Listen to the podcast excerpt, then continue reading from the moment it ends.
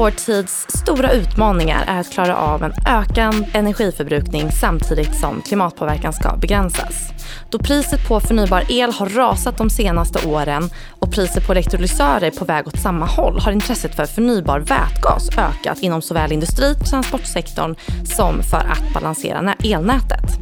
Vätgas baserad på förnybar el, även kallad grön vätgas, beräknas vara billigare än vätgas med fossilt ursprung, kallat brunt vätgas, före 2030. Många är därför överens om att vätgasen kommer att ha en nyckelroll i den nödvändiga övergången från fossila bränslen till förnybara energikällor och ett hållbart energisystem. Under början av 2021 så presenterade Fossilfritt Sverige sin vätgasstrategi för regeringen. I strategin framgår det att de redan planerade vätgasrelaterade projekten i Sverige har en potential att minska koldioxidutsläppen med 7,1 miljoner ton per år i direkta utsläpp till 2045, vilket motsvarar cirka 14 procent av Sveriges nationella utsläpp. Räknar man i kundledet handlar det drygt om 30 procent. Vi ska i detta avsnitt dyka ner i ämnet vätgas, få förklaring till tekniken och få en inblick inom detta spännande område. Kraftsamtal, podden som ger dig kunskap och inblick i tekniken som behövs för att möta en av vår tids största utmaningar, den gröna energiomställningen.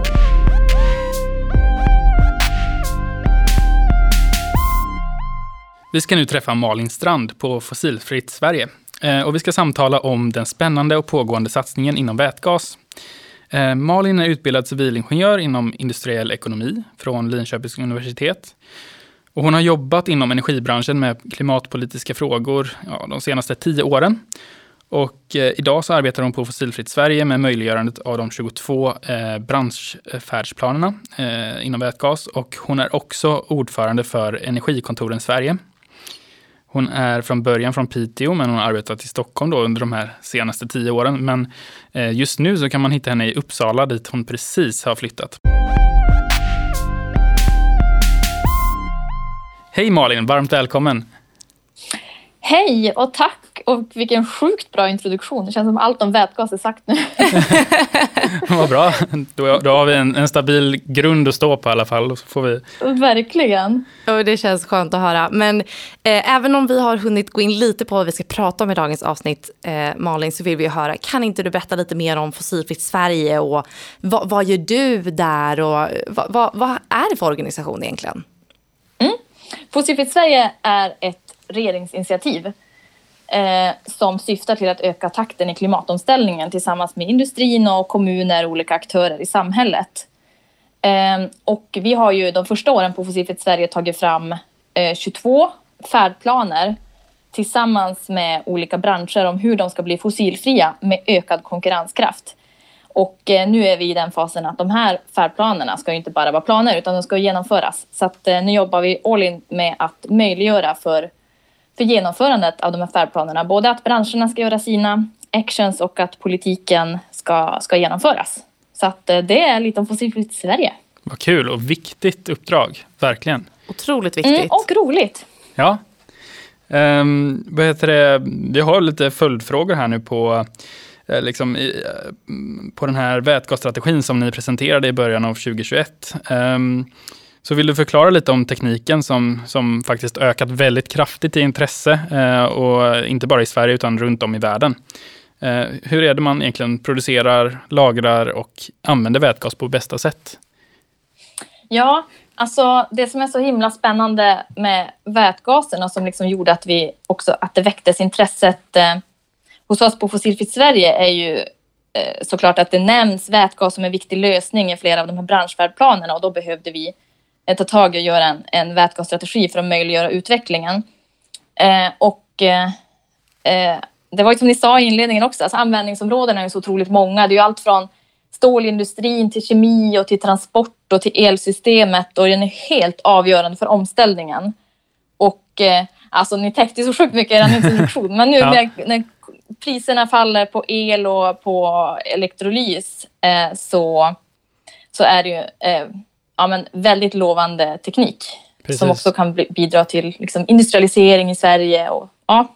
Så då känns det som att då har man liksom på, på supply-sidan så får man det är mycket lättare att eh, producera eh, vätgasen. Eh, hur är det när man ska lagra den då? Hur ser, hur ser utvecklingen ut där?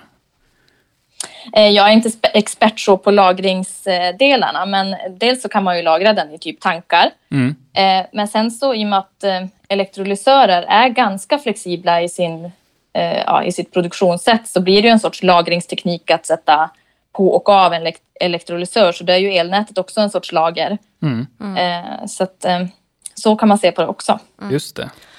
Och, och i er vätgasstrategi, eh, hur, hur, ser man då, vad, vad, vad, säger den och hur, vad, vad är det för underlag? Jag, jag förstod ju mm. på att ni använder de här 22 färdbranschplanerna eh, där, men eh, vad, vad, vad, vill, vad har ni förmedlat till våra beslutsfattande organ i Sverige? Ja, I bra den? fråga. eh, nej men, anledningen till att vi gjorde den var ju att möjliggöra eh, vätgasutvecklingen i Sverige. Det är ju liksom, vätgas är ju en möjliggörare som går tvärs över flera branscher. Eh, och då behövde vi ta tag i den på ett, på ett eget sätt som inte är en specifik branschfärdplan. Eh, så att det viktigaste syftet när vi började med vätgasstrategin det var att visa på alla olika eh, områden som, där vätgas är en möjliggörare. Men också framför allt den här handlingsplanen som vi lämnar över till regeringen och säger att för att möjliggöra utvecklingen, vi kommer behöva eh, 55 terawattimmar vätgas i Sverige. Vi önskar att det ska vara planeringsmål på det här och det här. Och för att möjliggöra det, då behövs det en del politik. Mm. Eh, för att ja, men öka takten. För ju snabbare vi kan komma igång med de industriprojekten, desto snabbare kan vi minska utsläppen och vara pionjärer in, i Sverige för, för tekniken och, eh, och visa för resten av världen att, att ja, men visa hur man skulle kunna göra och också öka den svenska industrins konkurrenskraft. Så det var liksom grundförutsättningarna varför vi gjorde en strategi. Mm. Och, och, när, när du säger att vi vill liksom vara ett föregångsland inom det här, eh, mm. hur har intresset sett ut eh, utifrån eh, liksom den inblicken du har nu med, med den här vätgasstrategin? Är det många som, kanske grannländer eller liknande som har fattat upp ögonen för det här och intresserade av vad ni har eh, lämnat över här? Ja, alltså för det första bara när du säger intresset så måste jag bara berätta när vi började lansera så här, nu ska Fossilfritt Sverige göra en, en vätgasstrategi. Alltså jag har aldrig haft så full mailbox. Det var så sjukt många aktörer som mejlade. Ja, vi kan bidra, vi kan göra det här, vi gör det här. Ni känner inte till oss men vi är nya inom området och alla var så himla hungriga. Ja, kul. Eh, på att delta. Ja, det var verkligen otroligt kul och alla var så super, super engagerade längs, längs vägens gång. Men eh, apropå de andra länder som du egentligen frågade om så hade ju vid det här tillfället när vi satte igång så hade redan EU tagit fram en vätgasstrategi och ett par europeiska framförallt länder hade tagit fram sina egna eh, vätgasstrategier. Eh, och eh, de var ju en inspiration för oss såklart. Mm. Eh, så, att, eh, så att jag skulle väl snarare säga att vi kanske inspirerades av dem men att vi har fått jättemycket uppmärksamhet av andra, av andra länder mm. På vår strategi. Mm. Däremot så fick, vart det ju väldigt väl mottagen av regeringen som tyckte det var mm. jättebra och kul. Och redan samma dag som vi lanserade och lämnade över den till, till regeringen så annonserade de att den här ska lämnas över till Energimyndigheten för att de ska analysera alla förslagen och göra den, alltså Sveriges nationella strategi av den. Mm. Så att, eh, det ser vi ju fram emot att i november då få se den här nationella strategin som Energimyndigheten håller på med. Det är svårt att få ett bättre mottagande då eh, än det. Verkligen. Och eh, vi hade också, det var ju eh, Per Bolund och eh, Ibrahim Baylan om jag kommer ihåg rätt, eh, mm. som vi lämnade över till. Och vi hade också ett seminarium under vägens gång där Per Bolund var med. Och han, så han borde ju bli kallad till Sveriges vätgasminister, för han är också så, han verkligen älskar vätgas. Han står så här typ och hoppar när vi pratar om det. Så att, eh, det känns verkligen som att de såg fram emot att den skulle komma och eh, tog emot den på ett bra sätt. Ja, vi ligger väl ganska långt fram i, i Sverige också. Även om, även om Europa och EU kom med, med strategi före oss så ligger vi väl ganska långt fram i projekt och tankar och eh, så vidare. På. Ja, ja, men det tycker jag. Alltså, om man ska nyansera lite så tycker jag väl kanske att eh, det svenska näringslivet med Hybrid i spetsen och lanseringen av eh, Volvo och eh, eh, Volvo, Volvo Daimler eh, och de Ovako till exempel som vi pratar om senare. Det är ju liksom spets, eh, verkligen satsningar. Mm. Medans kanske att eh, staten, myndigheter, regering kanske vaknade lite sent men men absolut liksom är med i matchen nu och det har utökats runt Industriklivet och ja. eh, Klimatklivet för att möjliggöra för vätgassatsningar. Så nu har vi som kommit, kommit med igen tycker jag. Just det, men så, så svenskt näringsliv har varit extra på här nu på tårna när det gäller vätgas? Ja, men jag tycker nog det. Och eh, ni är ju också med här i matchen. Känner ni också den trenden? Jo, men det får jag absolut säga. Och det här det är ju jätte, precis som du säger, det är ju verkligen en eh, enormt spännande att se vad som kommer hända med den här vätgasekonomin som kommer framåt. Och det är så mycket satsningar, samarbetspartner och precis som du nämnde så kommer vi faktiskt prata lite mer om det senare i podden. Så det är jättespännande och med vad vi eh, tillsammans med partners gör inom vätgasområdet. Mm. Eh, men om vi kommer tillbaka till liksom de satsningar vi ser här i Sverige. Vad, vad skulle du säga, hur, hur, tror du att det kommer sig att vätgas har blivit så hett ämne här i Sverige och att det sker så mycket satsningar här? Eh, ja, men dels är det ju verkligen inte bara i Sverige. Eh, det är ju alltså det är global eh, superboom på mm. vätgas skulle jag säga. Så att eh, det har ju definitivt med sjunkande kostnader att göra, både el och elektrolys då, som du sa i din inledning. Ja. Eh, men just Sverige också skulle jag säga att det har ju som varit en, eh, ja, men en teknik som har småbubblat lite. Det har puttrat lite och man har alltid sagt ah, kul med vätgas men det ligger tio år fram i mognadsgrad. Mm. Eh, och så har det som varit så hela tiden. Nej, men det ligger tio år fram. Ah, det ligger tio år fram. Och så kommer Hybrid. Eh, och då ska de göra någonting inom ett par år mm. som handlar om vätgas. Och så sen så kommer eh, Volvo Daimler. Och eh, så kommer ja, så kom Perstorp där i det eh, också. Mm. Och då kändes det som att då blev det plötsligt eh, allvar i svenska näringslivet att det här är en riktig satsning. Mm. Eh, och alla de här tillämpning, tillämpningsområdena med raffinaderier och ammoniak, konstgödsel. Eh, att det blev som en sån eh, som viktig, viktig lösning på både klimat och, och konkurrenskraft. Mm. Så det tror jag är stora anledningen. Eh, priserna sjunker och så de här stora satsningarna som kom. Mm. Och du, du nämner lite olika användningsområden här för vätgas. Men kan du inte mm. vidareutveckla? Var, var, vilka, när passar det att använda vätgas? Eh, alltså där den är som allra viktigast är ju de här sektorerna som man kallar för hard to abate. Även om de inte är så hard egentligen. För de, man kan ju lösa det med vätgas. Utan det är väl kanske mer svårt ur ett kostnadsperspektiv till en start. Men mm. jag skulle säga eh, till stålindustrin såklart mm. eh, där man använder eh, direktreduktion och använder vätgas istället för, för kol som man tidigare gjort. Mm. Eh, man kan ju också använda inom kemiindustrin att den här um, själva vätgas, liksom molekylen, blir en viktig insatsvara mm. eh, som man byter ut mot fossil vätgas. Mm. Eh, sen i, i transporter, vi hade väl precis det första fossil, eller vätgaståget i Sverige. Det finns ju några i Europa vad jag förstått det som, men att att det här var liksom invigningen av första vätgaståget i Sverige. Mm. Vätgasfordon eh, finns ju också. Det är bland annat den här satsningen som Volvo och Daimler har på lastbilar mm. som ska gå på vätgas. Och eh, personbilar till viss del, men vi, det, trenden ser inte ut att det är det som kommer booma. Men det återstår ju att se, mm. såklart. Men sen också såklart Eh, alltså till konstgödsel kommer det vara viktigt, en stor utsläppare i elsystemet och inte minst flexibiliteten som elektrolysörerna ger. Mm. Så att, eh, alltså det är många tillämpningsområden på vätgas. Mm. Ja, men det är spännande och, och, det utvecklas snabbt, men kan man på något sätt påskynda den här utvecklingen ännu mer tror du? För det är ju bråttom nu att ställa om. Mm, absolut, och det visar ju inte minst IPCC-rapporten som kom i, i somras och som verkligen... Det kändes som hela Sverige förstod, eller hela världen kanske förstod att nu är det, nu är det allvar. Mm. Eh, så att det är ju helt rätt frågan ni ställer, hur man kan påskynda utvecklingen. Mm. Eh, och vi, ja, men vi hade ju fem områden för eh, politik som behövs för att påskynda utvecklingen då när vi gjorde vätgasstrategin. Så i de stora dragen så handlar det om elsystemet, om att möjliggöra för vätgasinfrastrukturen, mm. skapa regelverk och marknad för vätgas, eh, olika finansieringslösningar och såklart forskning och utveckling och kompetensutveckling.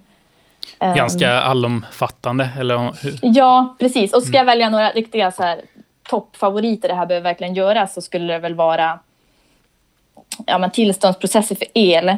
Elsystemet kommer ju vara super, super viktigt när vi ska ha många elektrolysörer på många ställen.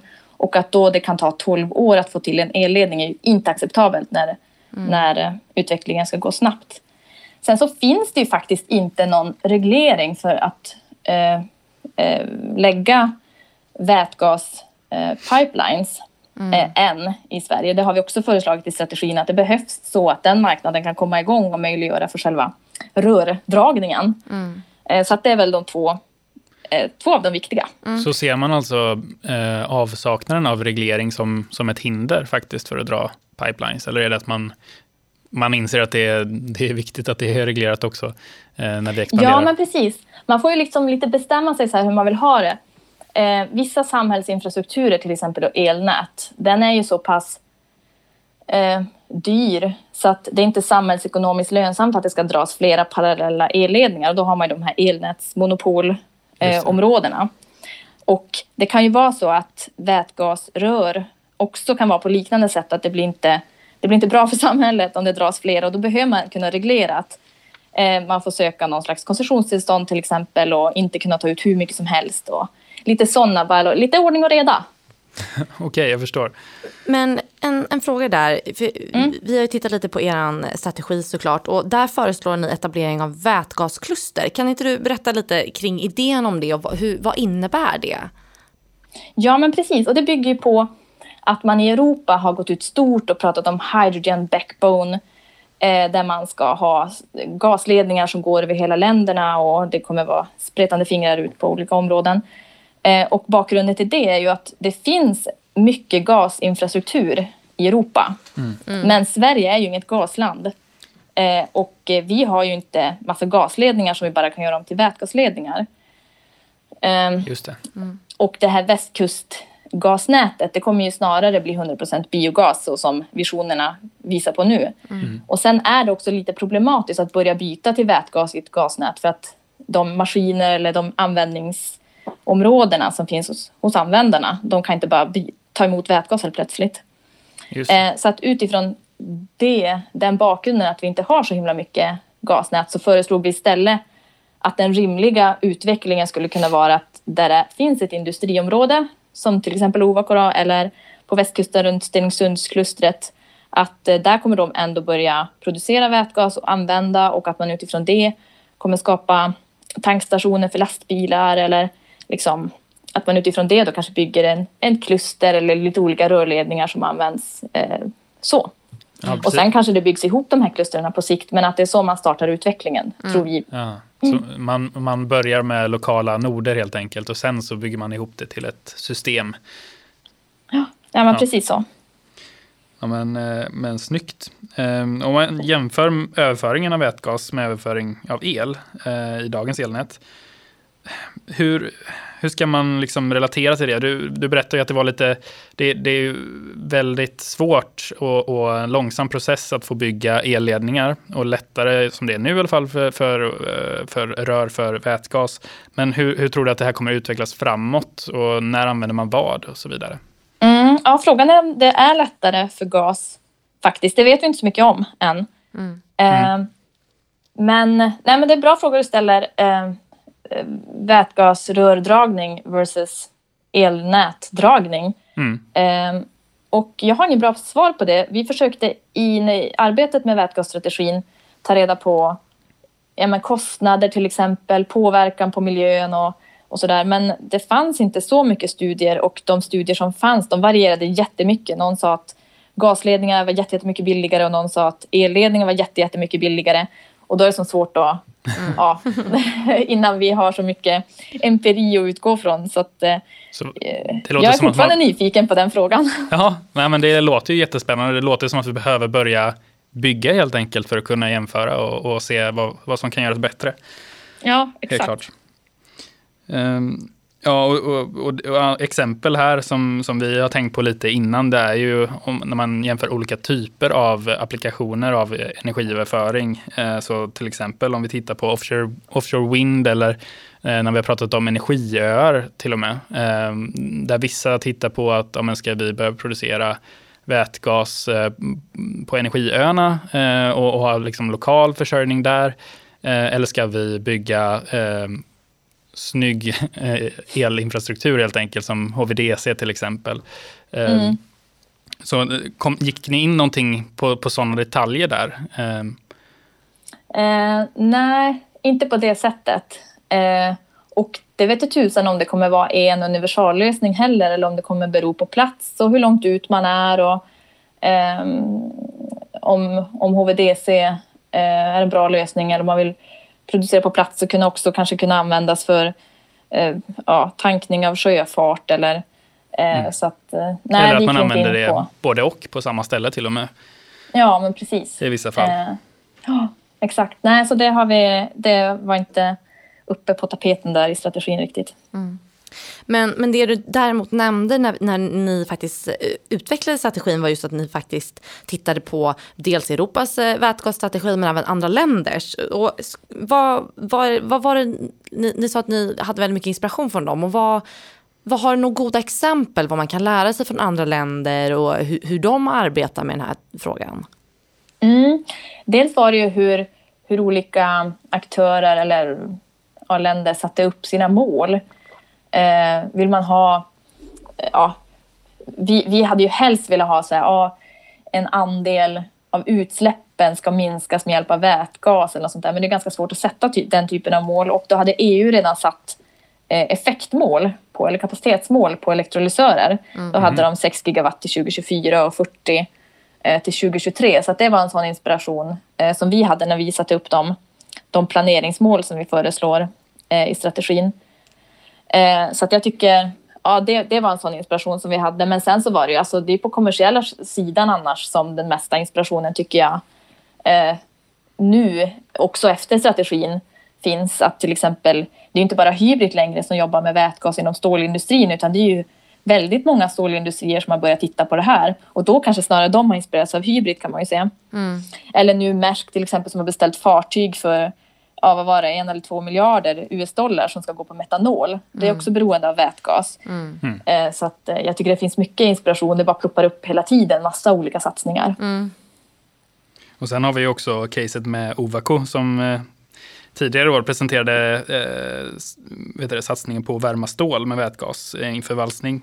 Och där är ju vi på Hitachi Energy också en av allianspartnerna.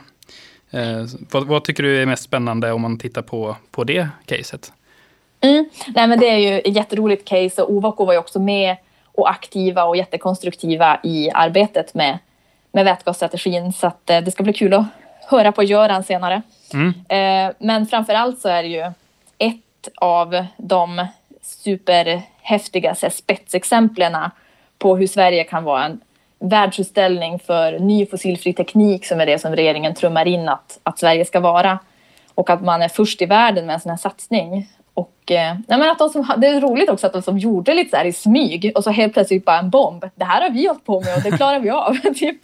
Så att de är som roliga på det sättet. Men sen det mest spännande med det, eh, med det caset är ju eh, värdekedjesamarbetet som ju verkar vara det nya sättet att göra affärer och komma framåt i utvecklingen. Där allt från Nell till Volvo och Nido Hitachi Energy är med i ett sånt brett kluster, det är ju det som är ja, häftigast tycker jag här. Förutom att man har testat ny teknik med uppvärmning av, av vätgas. Ja, det är väldigt spännande och det är, ju, det är nästan lite vackert att man kopplar ihop så många olika partners där alla tjänar på, på samarbetet. Så... Eh. Ja, precis. Och det blir också intressant. Nu är ju Volvo med kanske som en kund i det här och utvecklare då. Men det är ju intressant också att höra hur de ser på, på kundtrycket och betalningsviljan hos kunderna. För det vi hör är ju att hela världens efterfrågan ställer om och till exempel SSAB, de har ett enormt tryck från sina kunder på att köpa det här gröna stålet. Mm. Mm. Eh, och då är det också ja, men viktigt att några tidiga kunder är med i ett sånt här samarbete. Så att, ja, jag tycker det är superhäftigt och inspirerande. Men jag tycker att vi ringer upp eh, Göran Nyström på en gång. Samarbete blir allt mer centralt när svensk industri ska ställa om till koldioxidfri produktion. Med oss idag över länk så har vi också Göran Nyström som är vice VD och eh, chef för teknik och marknadsföring eh, på Ovako. Eh, Ovako är ett av företagen som är pionjärer nu när de tidigare i år inledde ett samarbete med Volvo-koncernen och oss på Hitachi Energy, men också Hot for Green Steel och Nell Hydrogen kring en satsning på produktion av vätgas i Hofors. Och med den här nya vätgasanläggningen i Hofors så blir Ovako först i världen med att värma stål med vätgas inför valsning och tar nästa stora steg mot en klimatneutral stålproduktion. Så varmt välkommen hit Göran. Kul att få prata med dig. Tack så mycket. Trevligt att vara här. Jättekul att ha det här. Och vi, ja, vi är jättenyfikna. Vi, vi är ju som sagt en del av det här samarbetet. Men eh, kan inte du börja med att berätta lite om hur det kommer sig att Ovako har satsat så eh, hårt på just vätgastekniken?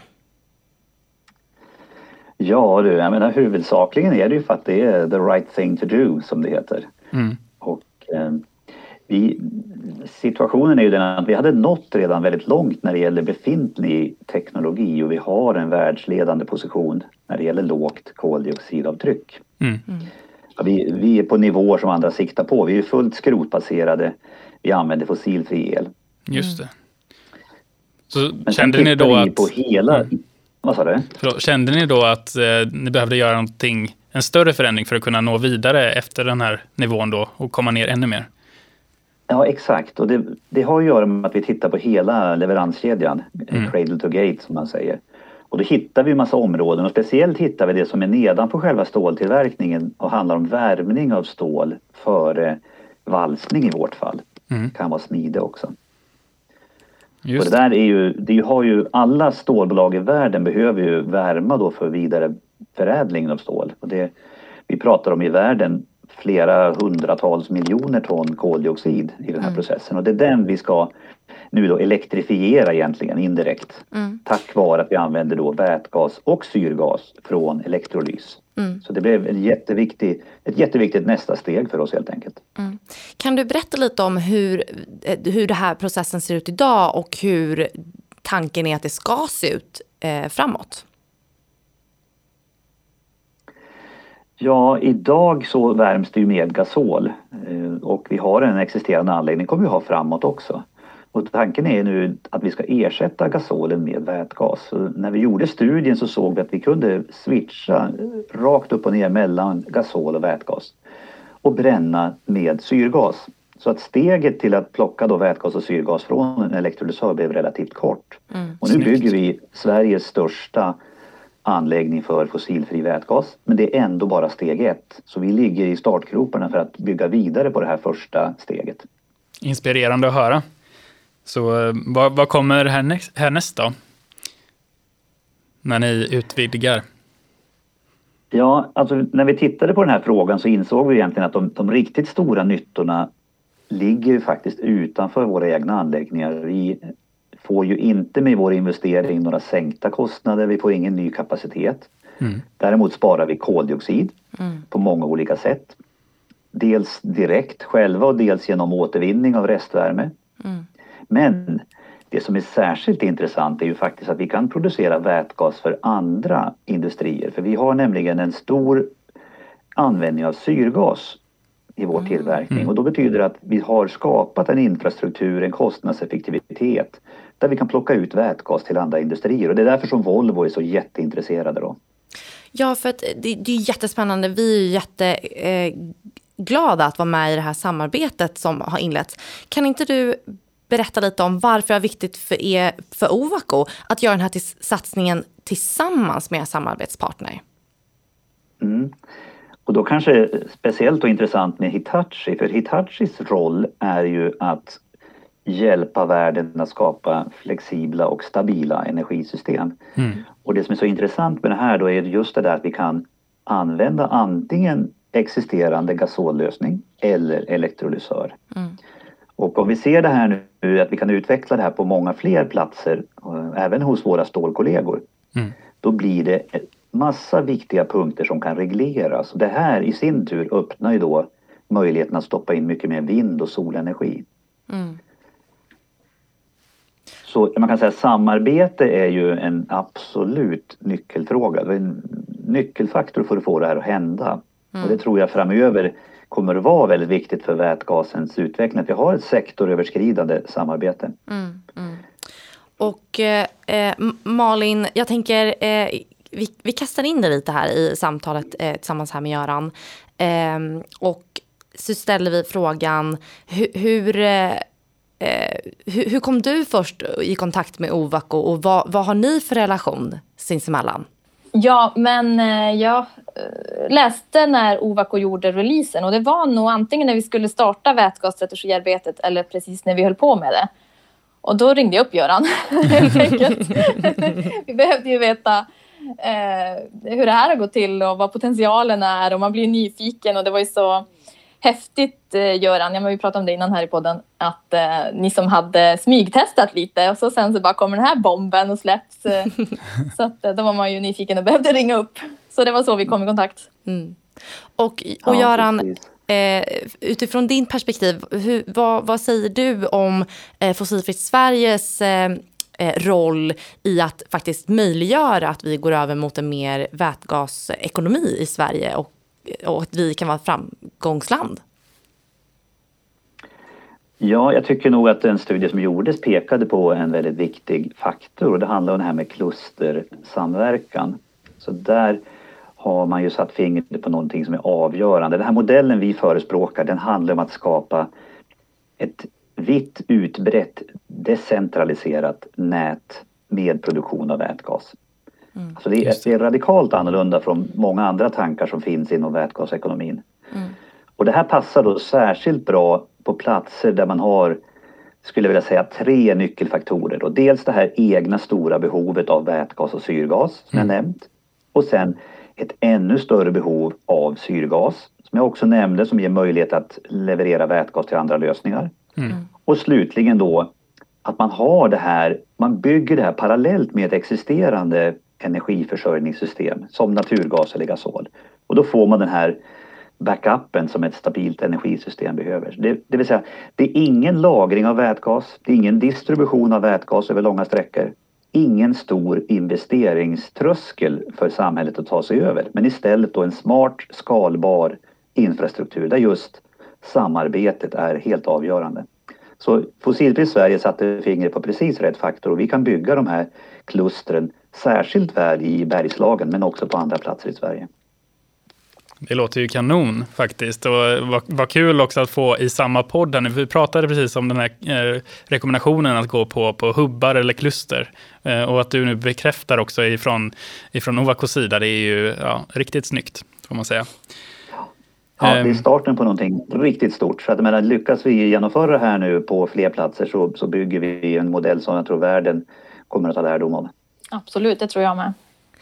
Det, det, är vi helt övertygade om också. Och vi på Hitachi Energy ser jättemycket fram emot resan vi kommer göra tillsammans med dig, Göran och Ovako. Och vi tycker det är fantastiskt. Precis som du säger, vi tar varandra i, i armkrok här och så eh, förändrar vi det som behöver förändras helt enkelt mot en eh, hållbar energisystem. Yes. Ja, stort tack att du var med idag, Göran. Mm, tack så. Tack så mycket. Tack så mycket. Nej, men vad, vad kul att få, få prata lite med Göran, eller hur Malin? Verkligen, det är kul och inspirerande. Ja. Men jag, jag skulle ändå vilja fråga dig Malin, eh, mm. vilka planeringsmål föreslår ni eh, i Sverige i, i er eh, vätgasstrategi? Mm. Ja men precis, jo, men det var ju Göran och, och flera andra industrier var ju jätteaktiva i processen och vi hade ju vid lanseringen 30 eh, företag som hade varit aktiva i processen som skrev under strategin. Så det är ju även Görans och SSABs och LKABs strategi. Mm. Eh, så att eh, det är klart att han har gett input och vi har samarbetat från den, att, eller i den. Så det, det, är kul att han fortfarande gillar den. Men planeringsmålen då som vi tog fram i strategin, det byggde ju på alla de här satsningarna som de har, de här företagen eh, som var med och i, i, i, ja, men i strategiarbetet och som hade släppt eh, sina projekt här längs vägen. Det har ju nästan lanserats ett stort projekt i månaden eh, under den här tiden. Så det var väldigt svårt att sätta målen. Men när vi, när vi släppte strategin så, så var det aktuellt med att sätta ett mål på 3 gigawatt elektrolys 2030 och 8 gigawatt 2045. Mm. Eh, för att liksom möjliggöra för, för de satsningarna som, som finns med. Eh, och planeringsmål betyder ju att det är någonting som myndigheter och eh, andra aktörer kan förhålla sig till. Så att då kan man tänka på det när de bygger ut infrastruktur eller planerar för el eller sådär. Eh, det som hände det var ju bara att typ två veckor senare så släpptes H2 Green Steel och de behöver ju 12 terawattimmar el eller vad det är. Så att, eh, de, de blir liksom inaktuella ganska snabbt men det är ju ändå fingervisning om, om att vi behöver ha någonting att förhålla oss till ihop. Så att man får väl uppdatera de här och frågan är om inte redan mm. Energimyndigheten när de släpper sin strategi i november har hunnit eh, utöka dem. Just det, men det är ju härligt när det går åt det hållet och ja, så fort exakt. dessutom. Ja. ja. precis. Omställningen behöver gå fort, så det är jättekul att det här är faktiskt ett väldigt konkret exempel på att det, det gör faktiskt det. Mm, verkligen. Verkligen. Så eh, sen så tänkte jag, nu har vi pratat en stund och det är, det är jättetrevligt, men eh, vi har ju också en återkommande fråga som vi brukar ställa i podcasten. Och den handlar om vad, vad tror du Malin är den viktigaste pusselbiten egentligen för att ställa om till ett eh, fossilfritt eh, samhälle? Eh, men om vi pratar om vätgas så är ju en viktig del att eh, den vätgasen vi ställer om till är utsläppsfri, fossilfri eller förnybar. Eh, det pratas ju mycket om vätgassatsningar runt om i världen men som bygger på att man fortsätter använda fossil naturgas eller, och tvättar den eller eller till och med bara tar bort eh, kolet och släpper ut det. Mm. Och då minskar man ju inte utsläpp utan vi behöver ju utsläppsfri och helst fossilfri vätgas eh, i, i, globalt om vi ska kunna klara av hela den här omställningen. Mm. Så det är en viktig utveckling och det eh, hoppas vi ju sker när priserna minskar och, och man kanske kommer i prisparitet någonstans med, med naturgas eller andra fossil, fossila alternativ. Eh, men sen tycker jag också, alltså för att möjliggöra att den här omställningen ska ske så måste staten och kommuner och upphandlare och många aktörer hjälpas åt att minska risken för de här stora industrisatsningarna att komma till. Och det kan ju vara mm. eh, kommuner och regioners verktyg kan ju vara upphandling, att de upphandlar grönt. Statens verktyg kan ju mm. vara att de hjälper till med garantier eller eh, tar den här diffen på eh, koldioxidpris till exempel. Eller den typen av saker som gör att industrin vågar satsa. För det är ju det som behöver till för att öka takten. Då hoppas vi att rätt personer hör det här budskapet som du, som du skickar med. Mm. Det hoppas jag med. Det, det hoppas vi verkligen. Och Mala, vi vill ge dig ett stort tack för att du har medverkat i vår podcast idag. Ja, men tack för att jag fick vara med. Ja, Kristoffer, återigen, fantastisk, vilka fantastiska samtal vi har här. I ja, kraftsamtal. Det får man säga. Väldigt bra gäster vi, vi lyckas få till, på att säga. Det, ju, det får ju vi lite hjälp med faktiskt. Ja, det får vi väl vara ärliga med att säga. Ja. Men Kristoffer, vad, vad, vad tar vi med oss efter dagens inspelning? Ja, väldigt många olika saker faktiskt. Eh, men jag tyckte det var väldigt fascinerande med eh, den här beskrivningen och visionen om decentraliserade egentligen hubbar som bygger upp ett stort energisystem. Där, där det är många aktörer som, som samarbetar och hjälper varandra med, med resurser. Mm. Så det blir lite småekonomier som sen kan kopplas ihop. Då. Jag tyckte det lät mm. riktigt fint. Mm. Ehm, var det något speciellt du tänkte på eller tog med? Ja, men eh, ja, det var som sagt ett superhärligt samtal och jättemycket att ta med. Men jag tycker just det här, vi pratar ju om att att allting, att vi har så bråttom och med IPCCs senaste rapport och att tiden är knapp.